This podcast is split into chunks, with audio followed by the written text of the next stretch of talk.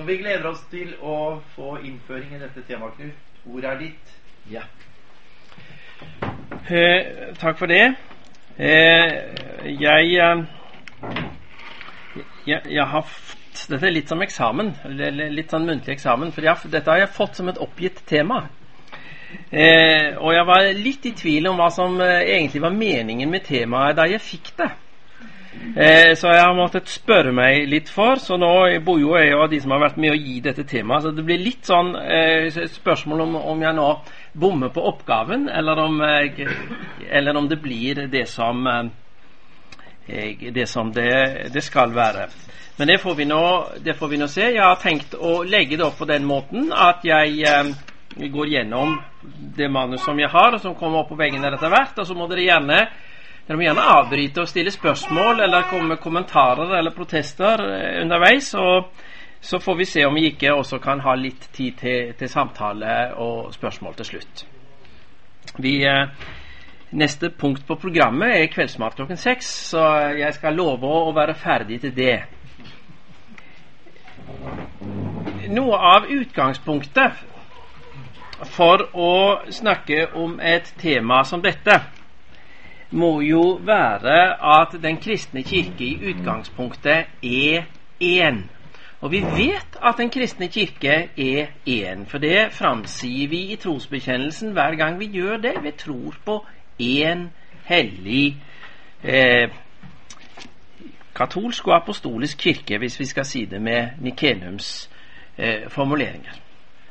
Så Kirken er én. Samtidig så er jo også Kirken splittet på mange måter. Den er splittet globalt i den forstand at vi har ulike kirkesamfunn spredt ut over hele verden på ulike måter. Og vi har familier av kirkesamfunn. Vi har gresk-ortodoks, vi har romersk-katolsk, vi har luthersk, vi har forskjellige varianter av reformert, vi har baptister og pinsevenner. Og Kirken er jo på mange vis også splittet lokalt. Av og til til og med innen samme kirkefamilie. Fordi det kan være eh, ja, et kirkesamfunn som i prinsippet skulle være enhetlig når det gjelder lære og tenkning, likevel er delt pga uenighet i lærespørsmål. Ofte er det det, men det er ikke alltid bare det. Det kan også være uenighet rett og slett om samværsformer. Altså hvordan skal vi ha det når vi møtes til møte eller gudstjeneste. Noen vil ha det slik, og noen vil ha det slik. Og hvis de vil dette så sterkt at ikke de klarer å samles om en enhetlig måte å gjøre det på, så har vi en eller annen form for splittelse. Kan denne splittelsesprosessen på en eller annen måte motvirkes? Kan vi forsøke å få det til slik at denne Kirkens enhet, som vi tror på, og som vi derfor med troens visshet vet er der, også kan komme til uttrykk og manifesteres. Kan splittelsesprosessen motvirkes? Hvordan gjør vi i så fall det? Og hva er målsettingen for et sånt arbeid for enheten? Er målsettingen det at vi skal komme til en viss sånn gjensidig forståelse av hverandre? Vi blir enige om å være uenige. Dere gjør det sånn, og vi gjør det sånn. Og likevel så har vi en, en viss form for enhet, eller har vi høyere mål? Målsetningen å oppnå gudstjenestelig enhet, slik at vi kan møtes og feire gudstjeneste sammen? Er målsettingen en form for organisatorisk enhet, slik at vi ikke har, er splittet opp i ulike grupper og kirkesamfunn organisatorisk? Og hvordan skal vi tenke om denne målsettingen? Er den primært den store globale sammenheng vi tenker på, eller tenker vi primært lokalt? At kristne på ett sted kan møtes og ha en form for fellesskap? Hvordan skal vi tenke om disse tingene her? Noen av de te temaene er det jeg skal forsøke å si litt om. Og et uh, godt sted å begynne når en skal si litt om disse tingene, må jo være i Bibelen og i Det nye testamentet. Og da skal jeg først ta fram to tekster fra Det nye testamentet som kan forstås slik at de går i litt ulike retninger med henblikk på dette temaet. Og de to ulike retningene har jeg kalt for enhetsperspektivet og identitetsperspektivet. Det er veldig flotte lange ord. De er så flotte og lange at jeg laget de selv for dette formålet. Eh, men jeg skal forsøke å forklare hva som ligger med det. Hva, hva, som, er, eh, hva som, ligger i det, hva som er ment med det. Når, eh, det som jeg har ment med enhetsperspektivet, er det vi finner i Efeserbrevet kapittel 4. Der står det slik Så formaner jeg dere, jeg som er fange for Herrens skyld, at dere lever et liv som er verdig det kallet dere har fått, i mildhet, ydmykhet og storsinn, så dere bærer over med hverandre i kjærlighet. Sett alt inn på å bevare Åndens enhet, i den fred som binder sammen.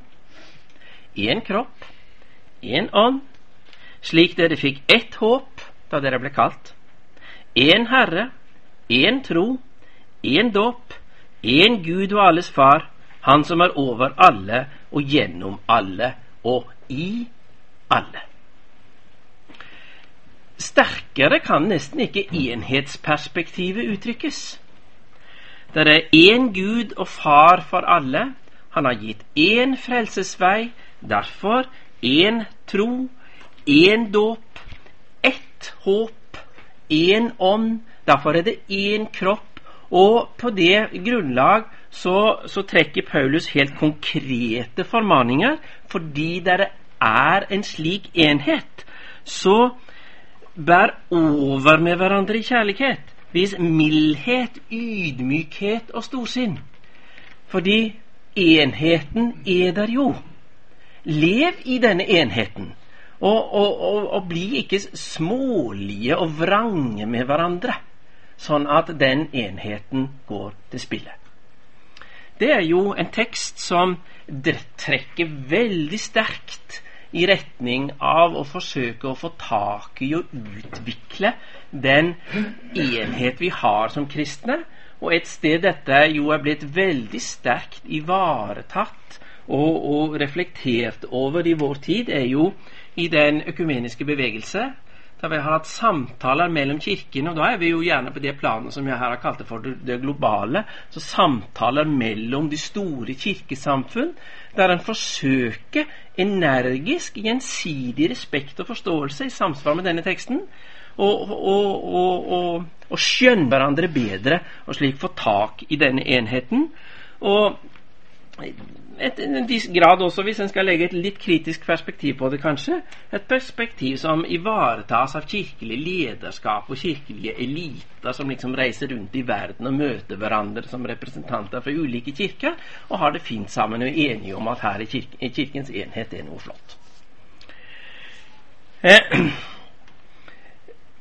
så har vi det som eh, jeg her har kalt for identitetsperspektivet, og med det mener jeg fokus på hva som er det bærende, sentrale innhold i det kristne budskap, som brukes på en slik måte at den som skjærer vekk det som ikke stemmer.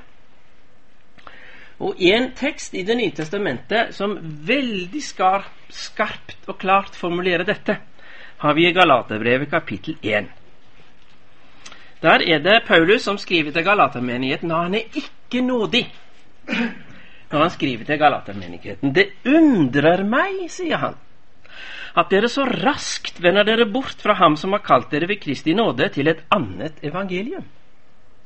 Men det finnes ikke noe annet, for det er jeg, jeg, men det finnes ikke noe annet. Det er bare noen som forvirrer dere, vil forvrenge Kristi evangelium. Men om vi selv ja, men engel fra himmelen skulle forkynne dere et annet evangelium enn det vi forkynte dere, forbannet være han. Ja, vi har sagt det før, jeg gjentar det nå. Hvis noen forkynner dere et annet evangelium enn det dere har mottatt, forbannet være han. det drar liksom i en litt annen retning enn den der Efeserbrevsteksten. Som sier at her er det enhet, og dere må for all del ikke liksom, gjøre noe som ødelegger enheten. Her er Paulus liksom et helt annet hjørne. Han sier det at her er det ett klart evangelium, og det må dere stå på. Enhver som liksom skal forsøke å trekke noe Ja, om det så kommer en engel fra himmelen og forkynner noe annet, ja, så er han forbannet, sier Paulus. Det er et sterkere ord enn det vi pleier å bruke fra kirkens talerstoler, til og med i FBB. Og hvor finner vi dette fokus på identiteten i Kirkens budskap, som liksom skal skjære vekk alt det andre? Jo, det ivaretas jo først og fremst av de vi kan kalle for protestprestene. Eh, litt sånn tilfeldig så satt jeg akkurat og, og, og leste en biografi av Søren Kirkegård. Og hans eh, og hans kirkekritikk de siste årene av, av sitt liv, da, akkurat da jeg skulle, skulle forberede, forberede, dette. Og Da har du jo perspektivet fra, fra Galaterne igjen, rett og slett i fortissimo.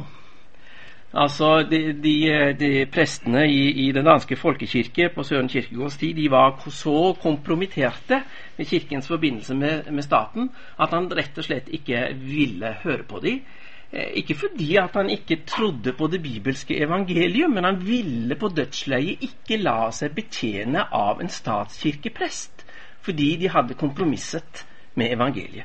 Da har du en viss forstand perspektivet fra Galaterbrevet 1 framført i fortissimo. Men vi har jo en mer en nærliggende representant som delvis er inspirert av Kirkegård, nemlig Børre Knutsen. Og noe av det vi ser hos disse protestprestene, som vi kan kalle det det, er jo et så sterkt fokus på Kirkens identitet at de til syvende og sist blir stående alene. Begge de to som jeg her har eh, sagt, opplevde jo noe av det. Ikke fordi noe av det de sa i og for seg var galt, men fordi de sa det så sterkt at de til syvende og sist ble stående alene. Og, og, og hvor finner vi liksom sammenhengen i dette her? Hvor er det mulig å stå både i Efesene 4 og Galaterbrevet 1 samtidig? Ja, vi har jo spenningen rett og slett i Det nye testamentet selv ganske direkte. Vi, bare, vi trenger bare lese litt videre i Galaterbrevet, så kommer vi til kapittel 2. Der vi har spenningen mellom Peter og Paulus. Og Der Peter ved en anledning står der oppførte seg på en slik måte at Paulus måtte reise seg opp og tale han imot midt i ansiktet, står det. Og vi kan jo spørre oss selv om disse sterke utsagnene om enhet er en idyll uten innhold. Her har vi jo et vakkert bilde av Peter og Paulus som står sammen om å bygge kirken. Og ideelt sett så tenker vi jo at det er slik. Og i Efesene 4 så er det slik. Men i Galaterbrevet kapittel 1 og 2 så kan det jo kanskje tyde på at det røyner på iblant. Og hvordan skal vi egentlig tenke om det da? Det er jo liksom, det store rammen og det store spørsmålet som reiser seg for oss når vi snakker om forsoning mellom kirker, uh, kirker og, og, menigheter, hvor ligger forsoningsgrunnen? Og hvordan ivaretar vi på en rett måte denne balansen mellom å fokus på budskapets identitet og sannhet, og det store, vide fellesskapet der alle er inkludert på den andre siden. Det kan hjelpe oss litt, tror jeg, hvis vi holder fast på at i prinsippet så må Kirkens enhet og dens identitet være det samme. For hva er budskapets identitet? Jo, det er det samme som det som definerer fundamentet for Kirkens enhet. Nemlig evangeliet om Jesus, som ifølge Det nye testamentet er sann Gud og sant menneske. Han er den eneste og den fullkomne vei til kjærlighetens fellesskap mellom Gud og mennesker.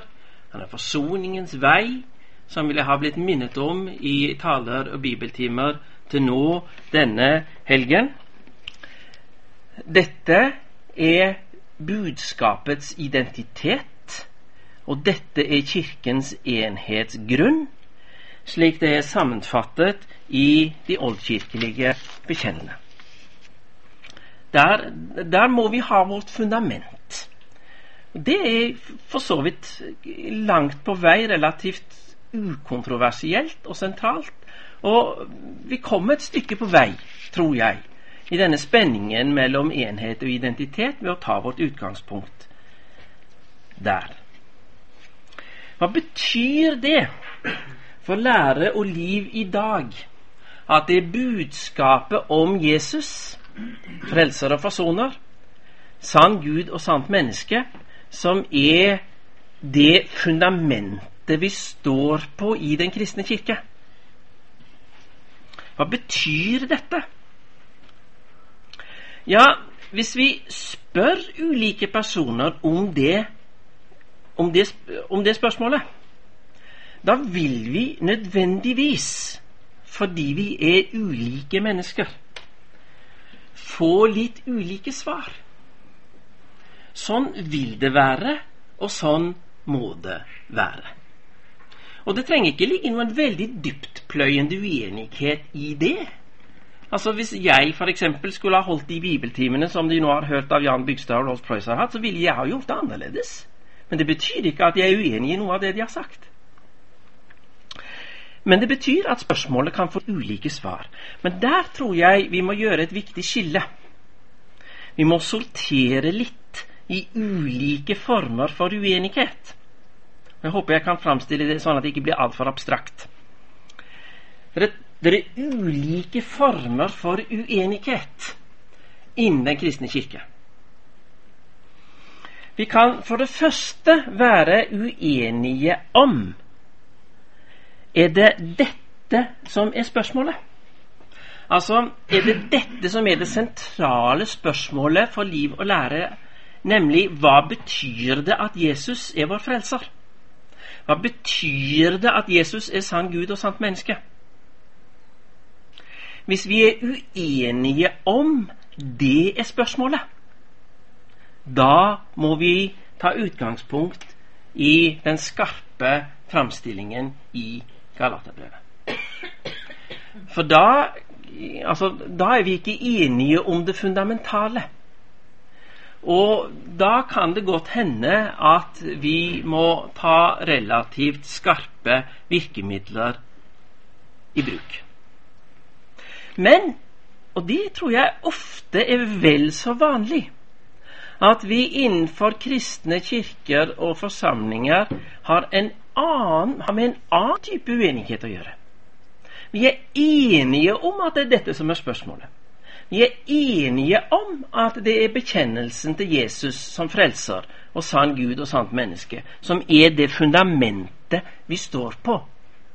Men vi kan ha ulike oppfatninger av hva som er svaret på det spørsmålet. Da har vi, hvis det er slik problemstillingen er å forstå, da har vi et interessant perspektiv på dette, synes jeg. I fortalen til det lutherske bekjennelsesskrift, den augsburgske bekjennelse, Confessio Augustana. Og Der står det noe interessant. Der står det at nå har det kommet opp ulike oppfatninger om troens spørsmål iblant oss. Og Da er det eh, uenigheten mellom den lutherske reformbevegelse og de pavetro vi tenker på. Nå har det oppstått uenighet mellom oss. Hva skal vi gjøre med det? Jo, da må vi sette oss ned og snakke sammen i gjensidig overbærenhet og mildhet slik at det som er blitt feil på begge sider, kan bli rettet opp, og, og Kirkens enhet gjenopprettet. formuleringen ligger ikke så veldig langt unna det vi har i Efeserbrevet kapittel 4. Det er snakk om den lyttende samtale med gjensidig respekt og uten mistro, med sikte på å lære av hverandre. Men det er viktig at ikke vi blander metodene her. Gjelder spørsmålet er Jesus troens enhetsfundament, eller er han det ikke? Ja, da må vi nærme oss uenigheten på en annen måte. Når vi er enige om bekjennelsen til Jesus som Herre og Frelser, men uenigheten går på hva betyr egentlig dette i praksis?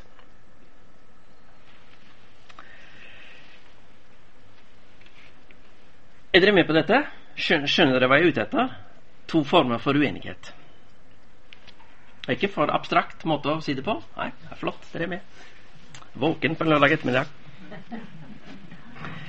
Neste spørsmålet blir jo da selvsagt Hvem hører hjemme hvor?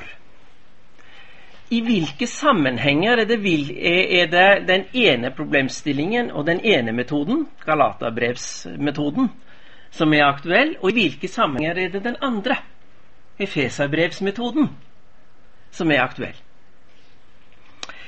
Vel, da tror jeg i utgangspunktet så skal vi høre på hva folk sier om seg selv.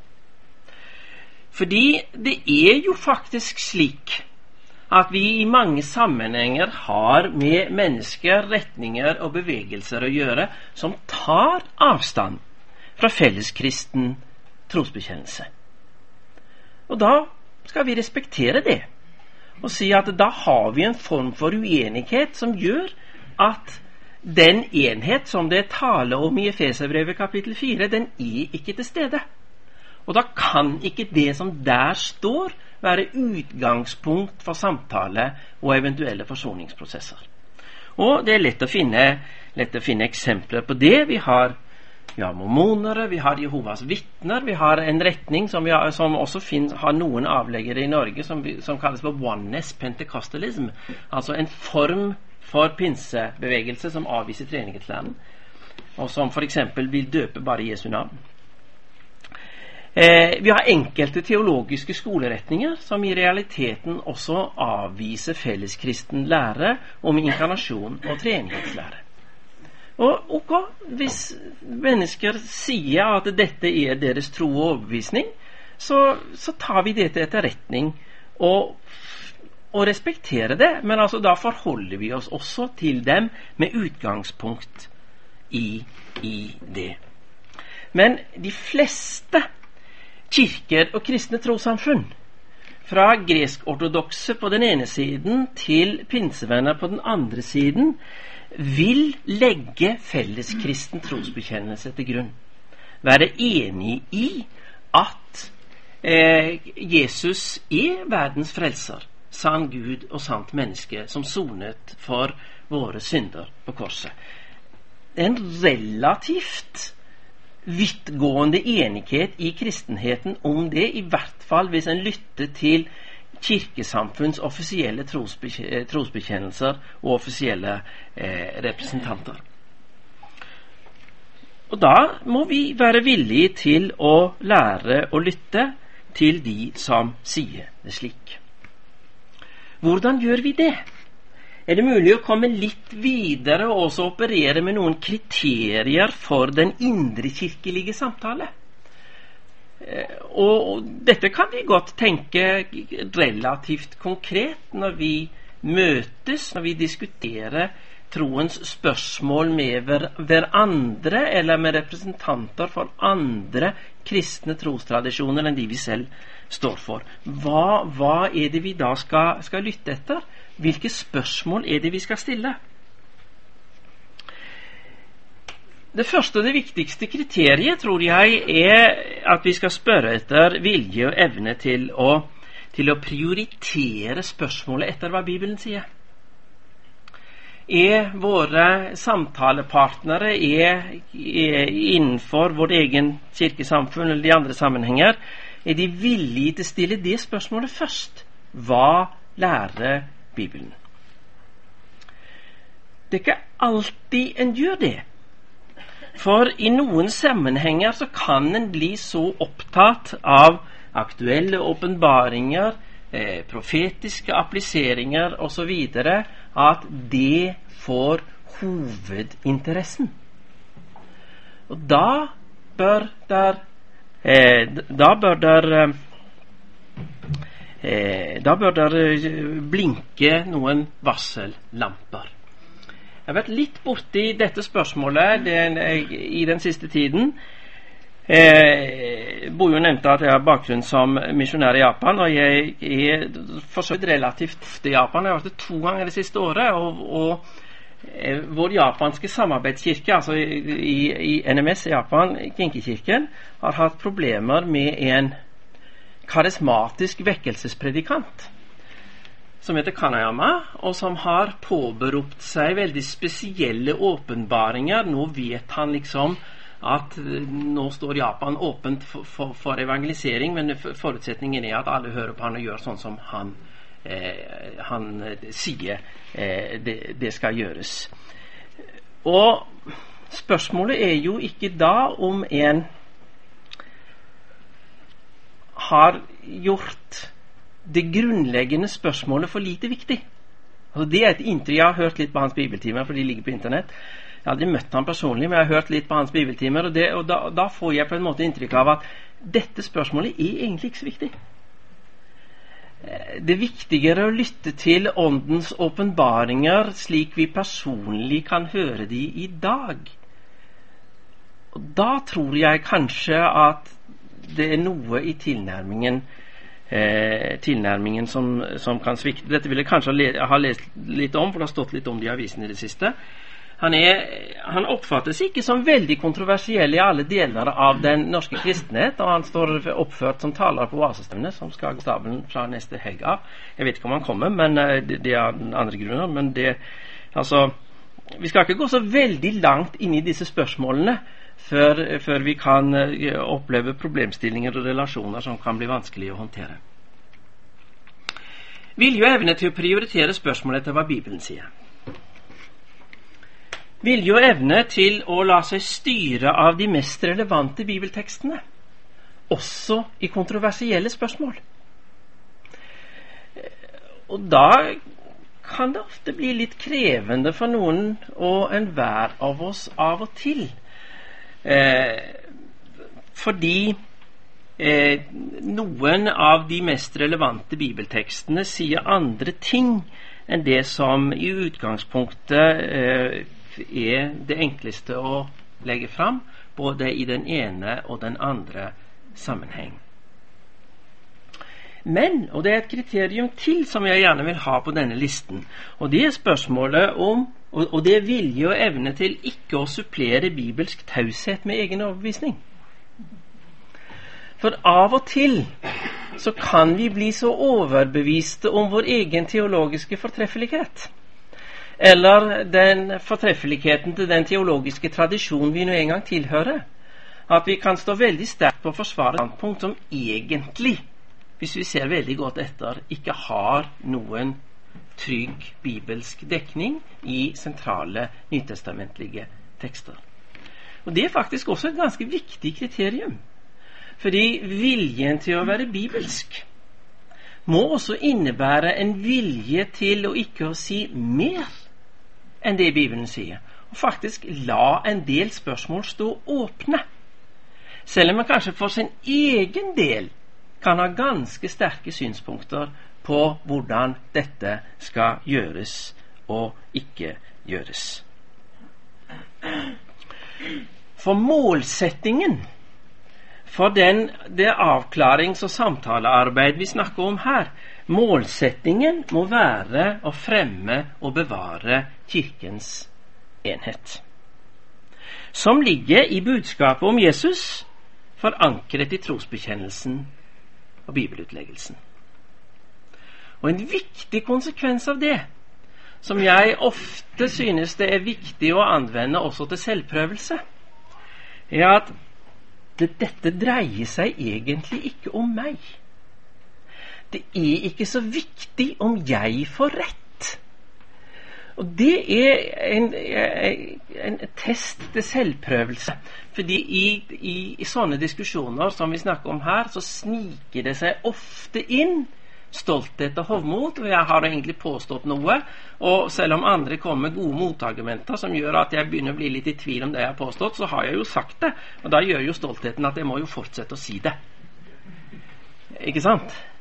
Altså kunne en klare å overvinne den, så ville vi komme litt lenger. For det er ikke egentlig så viktig om jeg får rett, for det er ikke min tenkning vi er ute etter å forsvare her. Det er noe som er større enn meg og hver enkelt av oss. Det er Kirkens enhet. Det er budskapet evangeliet om Jesus vi er interessert i å få fram på en så klar måte som mulig. Og klarer en å skille også på det? Det er ikke meg og mitt, men det er budskapet om Jesus som er det vesentlige, så, så har vi kommet et stykke. Og så er det også et viktig poeng at uenighet er ikke nødvendigvis splittende. Vi kan være uenige om mange ting som kristne uten at det truer enheten. Fordi i Den kristne kirke og det er den grunnleggende bibelske bildet og språkbruk her. Så er vi søsken. Vi er ikke venner. Og søsken de slutter ikke å være søsken om de krangler og er uenige. Det, det er noe som holder oss sammen, som er større enn vår, den enkeltes tro og den enkeltes overbevisning. Og et eksempel på det eh, kan være spørsmålet om sangtradisjoner og gudstjenesteformer. Som det må gå an å ha litt ulike oppfatninger om, uten at Kirken av den grunn splittes. Det betyr ikke at jeg ikke kan ha tanker om at en måte å gjøre det på er bedre enn en annen måte. Og at det kan være relevant å ha den diskusjonen. Altså, Det trenger ikke bety at alle standpunkt nødvendigvis er like gode. Men det går an å bevare en søskenenhet i troen på tvers av en del slike uenigheter. Eh, om det så var at vi ble enige om at dere gjør det slik og vi gjør det slik, men tross alt så har vi en felles tro, og i visse sammenhenger så vil vi samles, for vi vil la det komme til uttrykk.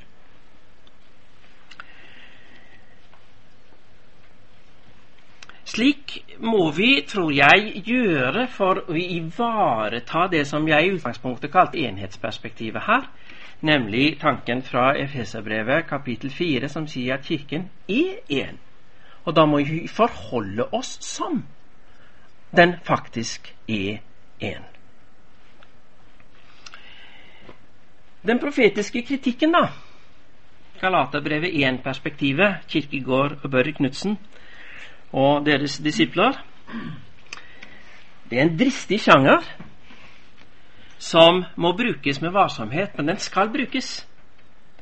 Fordi vi trenger den profetiske kritikken som minner oss på at vi kan ta feil, og det kan ligge grunnleggende villfarelser til grunn. Men den må framstå som anvendelse av bibelsk forankrede prinsipper profetkritikk på grunnlag av individuelle åpenbaringer, det skal en være varsom med, for da fremmer profeten lett sin egen sak mer enn Kirkens.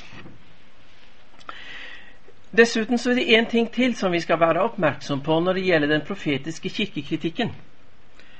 Eh, det er at den i utgangspunktet så peker profeter, og det gjelder både de gammeltestamentlige og de aktuelle, de peker på motsetningen mellom form og innhold. De peker på at det kristne budskapet er ikke ivaretatt på den måten kirkelivet i praksis utfoldes på. Det kan være helt rett, men i prinsippet så er det en form for lovisk forkynnelse. Og lovisk forkynnelse er veldig viktig og veldig vesentlig, men det er ikke et evangelium. Det forbehold tror jeg også vi må ha når det gjelder den loviske forkynnelse, altså den loviske kirkekritikk. Den er viktig, men den må ikke bli stående som det siste ord. Og litt av dette her, tankene jeg gjorde med, med her, er nok litt inspirert av at jeg satt og reflekterte litt over hvordan jeg ville ha forholdt meg til Kirkegårds kirkekritikk på 1850-tallet hvis jeg fikk den i fanget, rett i fanget i dag. Fordi nå er jeg ordinert prest i Den norske kirke, og jeg ville hvis, hvis, vi liksom forlenger linjen fra Kirkegårds kirkekritikk, så ville den ha truffet meg rett i fanget. Og Det ville jeg ikke ha likt, fordi jeg setter stor pris på Søren Kirkegård og, og, har mye av verdi i hans tenkning. Men når han blir kritisk, så, så, ville vil jeg, vil jeg bli truffet. Og hva vil jeg ha gjort med det? Jo, vil jeg ha gjort med det og eh, innrømme at i veldig langt på vei så har han rett, men jeg tror ikke det kritiske perspektivet i enhver sammenheng og alltid skal få lov å ha det siste ordet. Fordi det er også et evangelium som skal lyde. Nå, skal det, nå er det mer å si, å si om det enn eh, en akkurat dette, men det skillet vil jeg eh, gjerne ha med i denne, i denne eh, sammenheng.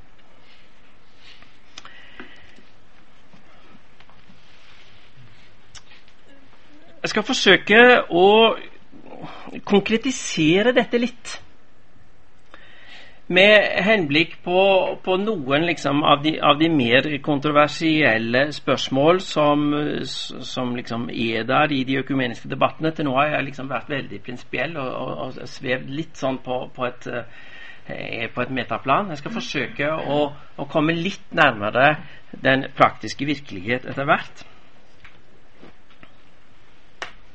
Er det f.eks. mulig å forsones med baptister? Og da mener jeg de som eh, ikke vil døpe barn, og praktisere gjendøp av barnedøpte. De gjør det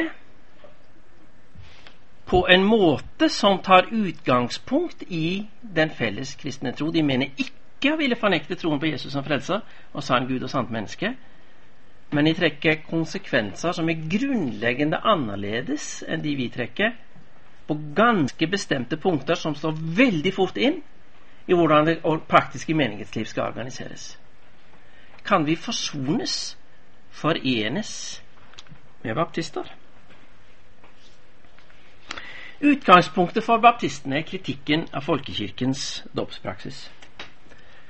Og det tror jeg det er mulig å ha forståelse for altså Det er det som er baptismens drivkraft i utgangspunktet. Nemlig kritikken av kritikkløs dåpspraksis. Det er det mulig å forstå og ha respekt for og langt på vei sympatisere med. Men avvisning av dåp i kristne familier er et standpunkt som jeg vil mene at vi med god grunn kan fastholde at det ikke er bibelsk dekning for. Samtidig så er det, og det er en viktig problemstilling, tror jeg, å ha, ha når vi har med baptister å gjøre. Og det er at senere dåpstidspunkt det er et mindre problem enn gjendåp. Det Altså, skal spedbarn døpes, eller skal en vente noe? Vel, jeg tror det er gode grunner til å døpe barn i kristne, foreldre, av, i kristne familie. Det er Kirkens klassiske dåpspraksis, som går helt tilbake til Oldkirken. Den, den, var vel etablert lenge før den konstantinske reformen, så det er i utgangspunktet ikke en, eh, etablert med bakgrunn i, i, i folkekirkepraksisen. Men likevel er det et mindre problem enn spørsmålet om gjendåp. For gjendåp er uttrykk for at andres dåpspraksis er ugyldig. Og det er et veldig splittende standpunkt. Og det tror jeg faktisk at vi i, i, si, i kjærlighet og overbærenhet må ha mot til å framholde for våre baptistiske søsken i troen at her inntar de et splittende standpunkt. Der, det kan vi ikke gå på kompromiss med. Samtidig så står vi jo overfor her overfor den paradoksale situasjonen at sekularisering og lavere dåpsprosent bringer oss nærmere hverandre. Fordi etter hvert som samfunnet blir mer sekularisert, og det blir færre foreldre som bringer sin barn til dåp, så vil jo de som faktisk gjør det, gjøre det fordi de mener noe med det. Og da blir det mye lettere for baptister å forholde seg til den lutherske dåpspraksisen. Også i den folkekirkelige sammenhengen. Det ser vi i Sverige, der den svenske kirkens dåpsprosent er en god del lavere enn den i Den norske kirke, der baptister har anerkjent eh, dåpen i den forstand at de har anbefalt sine menigheter om å slutte med gjendåp. Jeg har spurt en, en, representant for den norske Per Midtheide snakket jeg med en gang om dette her. Eh, om kunne, han kunne tenke seg samme, samme, utvikling i Norge hvis dåpsprosenten skulle synke en god del under det den var i dag. Og han avviste ikke tanken. Så, så, her kan vi faktisk være i den paradoksale situasjonen at sekulariseringen hjelper oss et skritt i retning av større enhet. Men akkurat her tror jeg vi faktisk har ganske langt igjen. Og det får vi da egentlig bare innrømme at det er slik det er. En forsoning med den romersk-katolske kirke mulig? Det er jo et nærliggende spørsmål for lutheranere, fordi det er jo i den bruddflaten den lutherske kirke i utgangspunktet ble til. Vel, det har skjedd ting på dette feltet også. Vi forstår hverandre bedre. Og vi må vel også, i lys av de, eh, den dialog som har vært de siste 50-60 årene, kunne si at vi reelt sett står nærmere hverandre på en del lærepunkt. Jeg vil i hvert fall mene det. Vi har større forståelse for hverandre når det gjelder forholdet mellom skrift og tradisjon. Fordi også romersk-katolske eh, representanter vil i dag si at eh, Bibelen har prioritet. Eh, vi står nærmere hverandre når det gjelder forståelsen av frelse som tillit. Dette ble avvist av den romersk-katolske kirke på 1500-tallet at dette var sentralt, men det vil de ikke avvise i dag.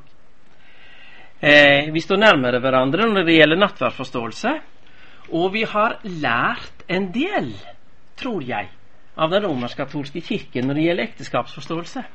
Fordi eh, Der har vi også et punkt hvor, hvor samfunnets sekularisering og eh, når det gjelder ekteskapslovgivningen og, og den allment aksepterte samlivsetikk, har ført kristne kirker sammen. Og jeg har vært i mange samtaler der vi i økumeniske fora fra katolikker til pinsevenner har snakket sammen om ekteskapsteologi, der vi faktisk har en del å lære av den romersk-katolske kirke.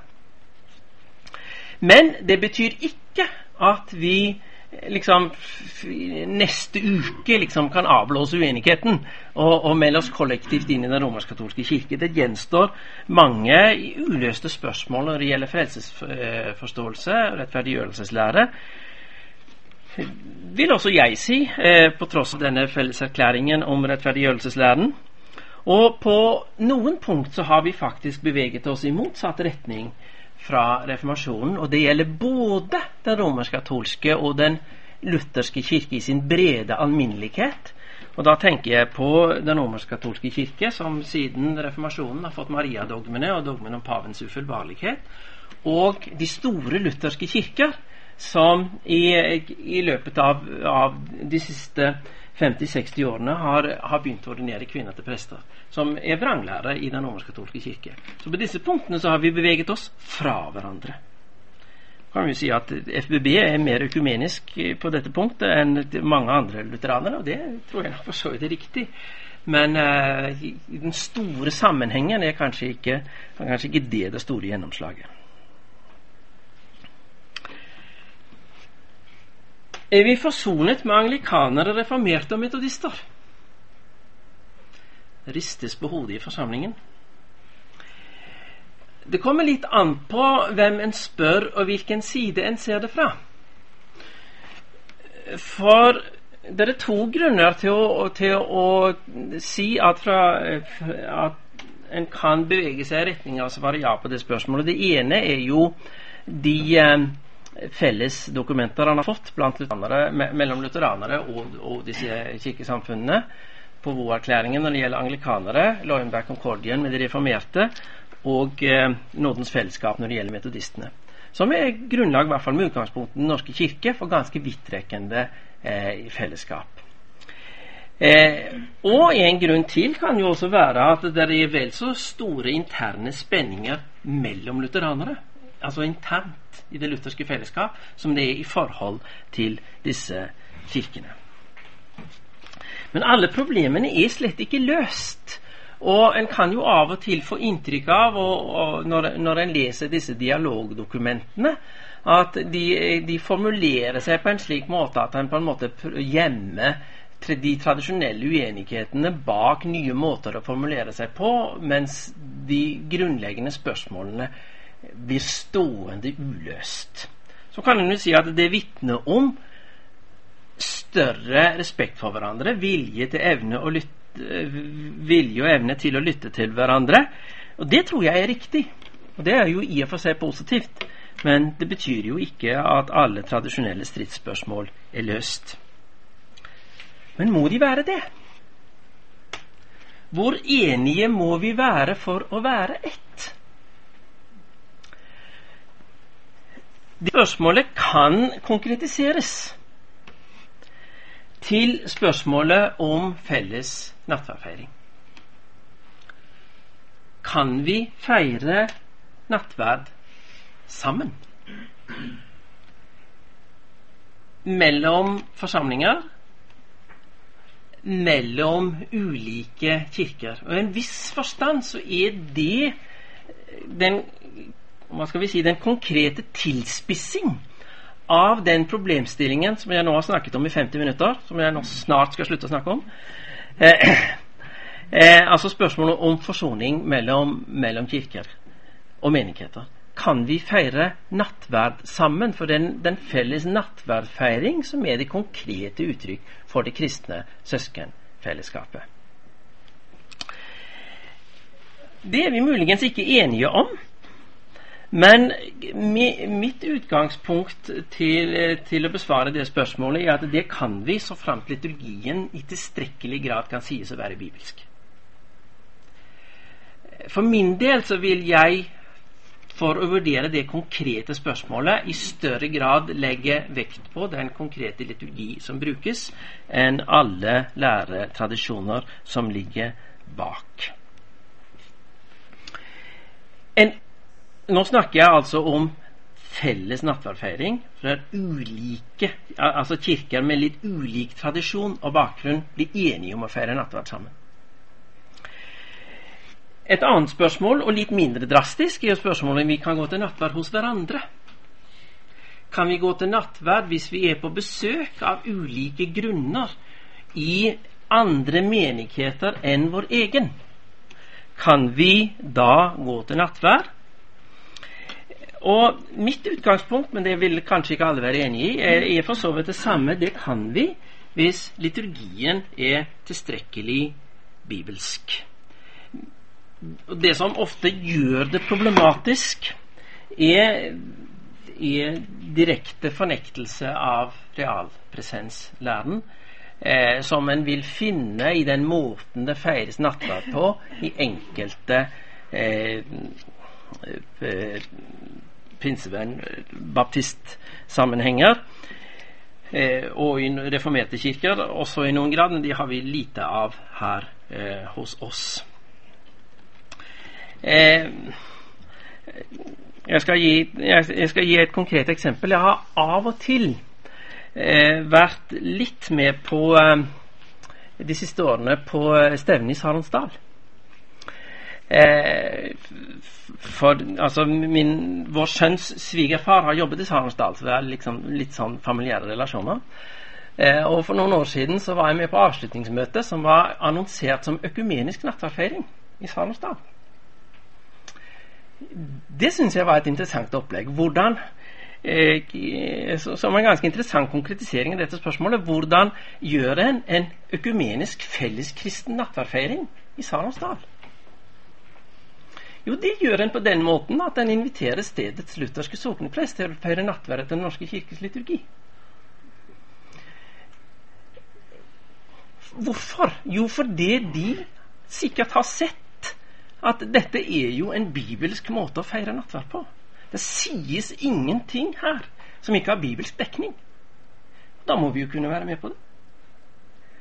Altså, ja, hvis vi hadde satt oss ned og skulle diskutert nattverdteologien i all sin fylde og bredde, så er det ikke sikkert vi hadde vært enige, men vi var, hadde en eh, ganske bibelsk fundert måte å feire nattverd sammen på i den sammenhengen, synes jeg. Nå er det jo ikke alltid at felleskristne nattverdfeiringer føres på den måten at en inviterer en luthersk prest til å feire en luthersk liturgi. Men eh, grunnen til at dette har hatt gjennomslag og kan fungere, er rett og slett at det er en bibelsk forankret liturgi. Hvordan skal vi tenke om det såkalte åpne nattværbordet? Som jo betyr at en inviterer kristne fra, eh, fra andre kirker til å være med og feire nattvær hos oss. Eh, nå kommer jo jeg fra Den norske kirkesammenheng, og der har, jo, der har, vi jo egentlig aldri problematisert dette. Eh, de døpte troende kristne eh, inviteres. Og Det er også den måten jeg er vant til å praktisere dette på i en liten luthersk minoritetskirke som Kinkekirken i Japan. Da var jo menighetene relativt små og oversiktlige. Dette, det jeg har foran meg nå, er en relativt stor menighet i den japanske konteksten, så der kjente vi jo alle som kom. Og hvis jeg så noen på bakerste benk som jeg ikke kjente, så sa jeg at nå, nå skal vi feire nattverd, og dette er for døpte og troende kristne. I en luthersk kontekst er jo dette spørsmålet om forholdet mellom kirkelig enhet og læremessig presisjonsnivå. Altså Det er jo en anvendelse av spørsmålet om hvor enige må vi være? Og, og, og, mitt innsteg i dette er jo det som jeg har prøvd å, sagt, å, si noe om. Altså Kirkens enhet og dens enhetsfundament er ikke min eller din eller noen enkeltpersons. Det er Vi fører nattverd i kraft av Jesu innstiftelse, og det er det som konstituerer fellesskapet her. Og om det er ting vi har forstått som er uklart, og, og ting vi kanskje ikke er enige om, så kan vi være sammen om denne nattverdfeiringen så sant den er bibelsk forankret i Jesu innstiftelse, og det ikke foregår noe her som, som liksom åpenbart legger seg på tvers av en bibelsk nattverdforståelse. Men jeg kan, kan jeg kanskje kommentere litt i samtalen. Siste bilde. Hvor viktig er det å tilstrebe organisatorisk enhet? skal vi være oss fornøyd med at vi som, som, som, kristne søsken, som kristne brødre og søstre, har en åndelig enhet, må den også komme organisatorisk til uttrykk. Vel, det kan være et tveget sverd. Fordi, eh, fordi, det å tvinge fram organisasjonsenhet kan være å liksom, invitere seg inn i en uendelig hengemyr av diskusjoner om hva vi skal mene og hva vi skal gjøre. Og da kan det være greiere å, å la å la det bero. Altså, og igjen så, så, så, så, kan jeg jo vise litt til min, min Japan-erfaring her. I Japan så har vi flere små lutherske kirker. Blant annet så er NMS og Frikirken opphavet til én, og Misjonssambandet opphavet til en annen. Og det er jo nærliggende å stille spørsmålet kunne vi ikke ha samlet oss til én kirke. Vel, vil japanerne gjøre det, så for all del. Jeg har ingen, ingen innvendinger mot det. Men det kan fungere relativt greit som selvstendige organisasjoner, samtidig som vi jo er enige om at vi står felles i troen. Og vi har ikke noen problemer med å samarbeide. Den, det teologiske seminaret som jeg, som jeg, eh, er på når jeg er i Japan, er felles eh, for disse.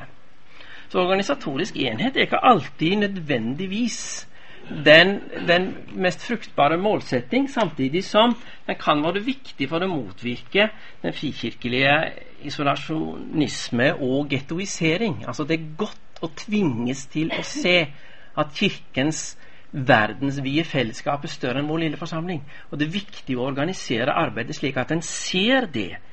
Derfor så tror jeg at eh, samarbeid og utvidet organisatorisk fellesskap for de nordiske lutherske bekjennelseskirker faktisk kan være en viktig målsetting.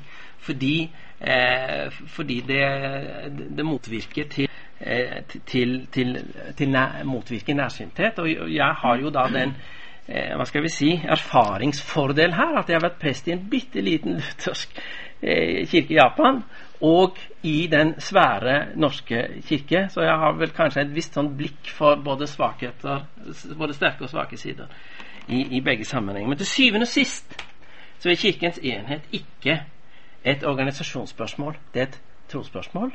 Kirken er ett. Det troen bekjenner vi hver, eh, hver søndag. Det er én hellig kirke. Det bildet skal jeg slutte med. Ikke bare fordi det er reklamen for en liten bok jeg har skrevet, som ligger på bokbordet der borte, men fordi bildet egentlig er en god illustrasjon på, på det vi snakker om her, både ved tittelen og bildet. En middelalderkirke som har stått der gjennom generasjoner, der mennesker har gått ut og inn og bekjent den samme tro på litt ulik vis og på litt ulike måter, men enheten med de som har gått etter Ogna kirkebegjæren, enheten med de som har gått inn og ut i den kirken gjennom nesten 1000 år, den tror jeg vi føler ganske sterkt, og den tror jeg vi skal ta vel vare på. Da skal jeg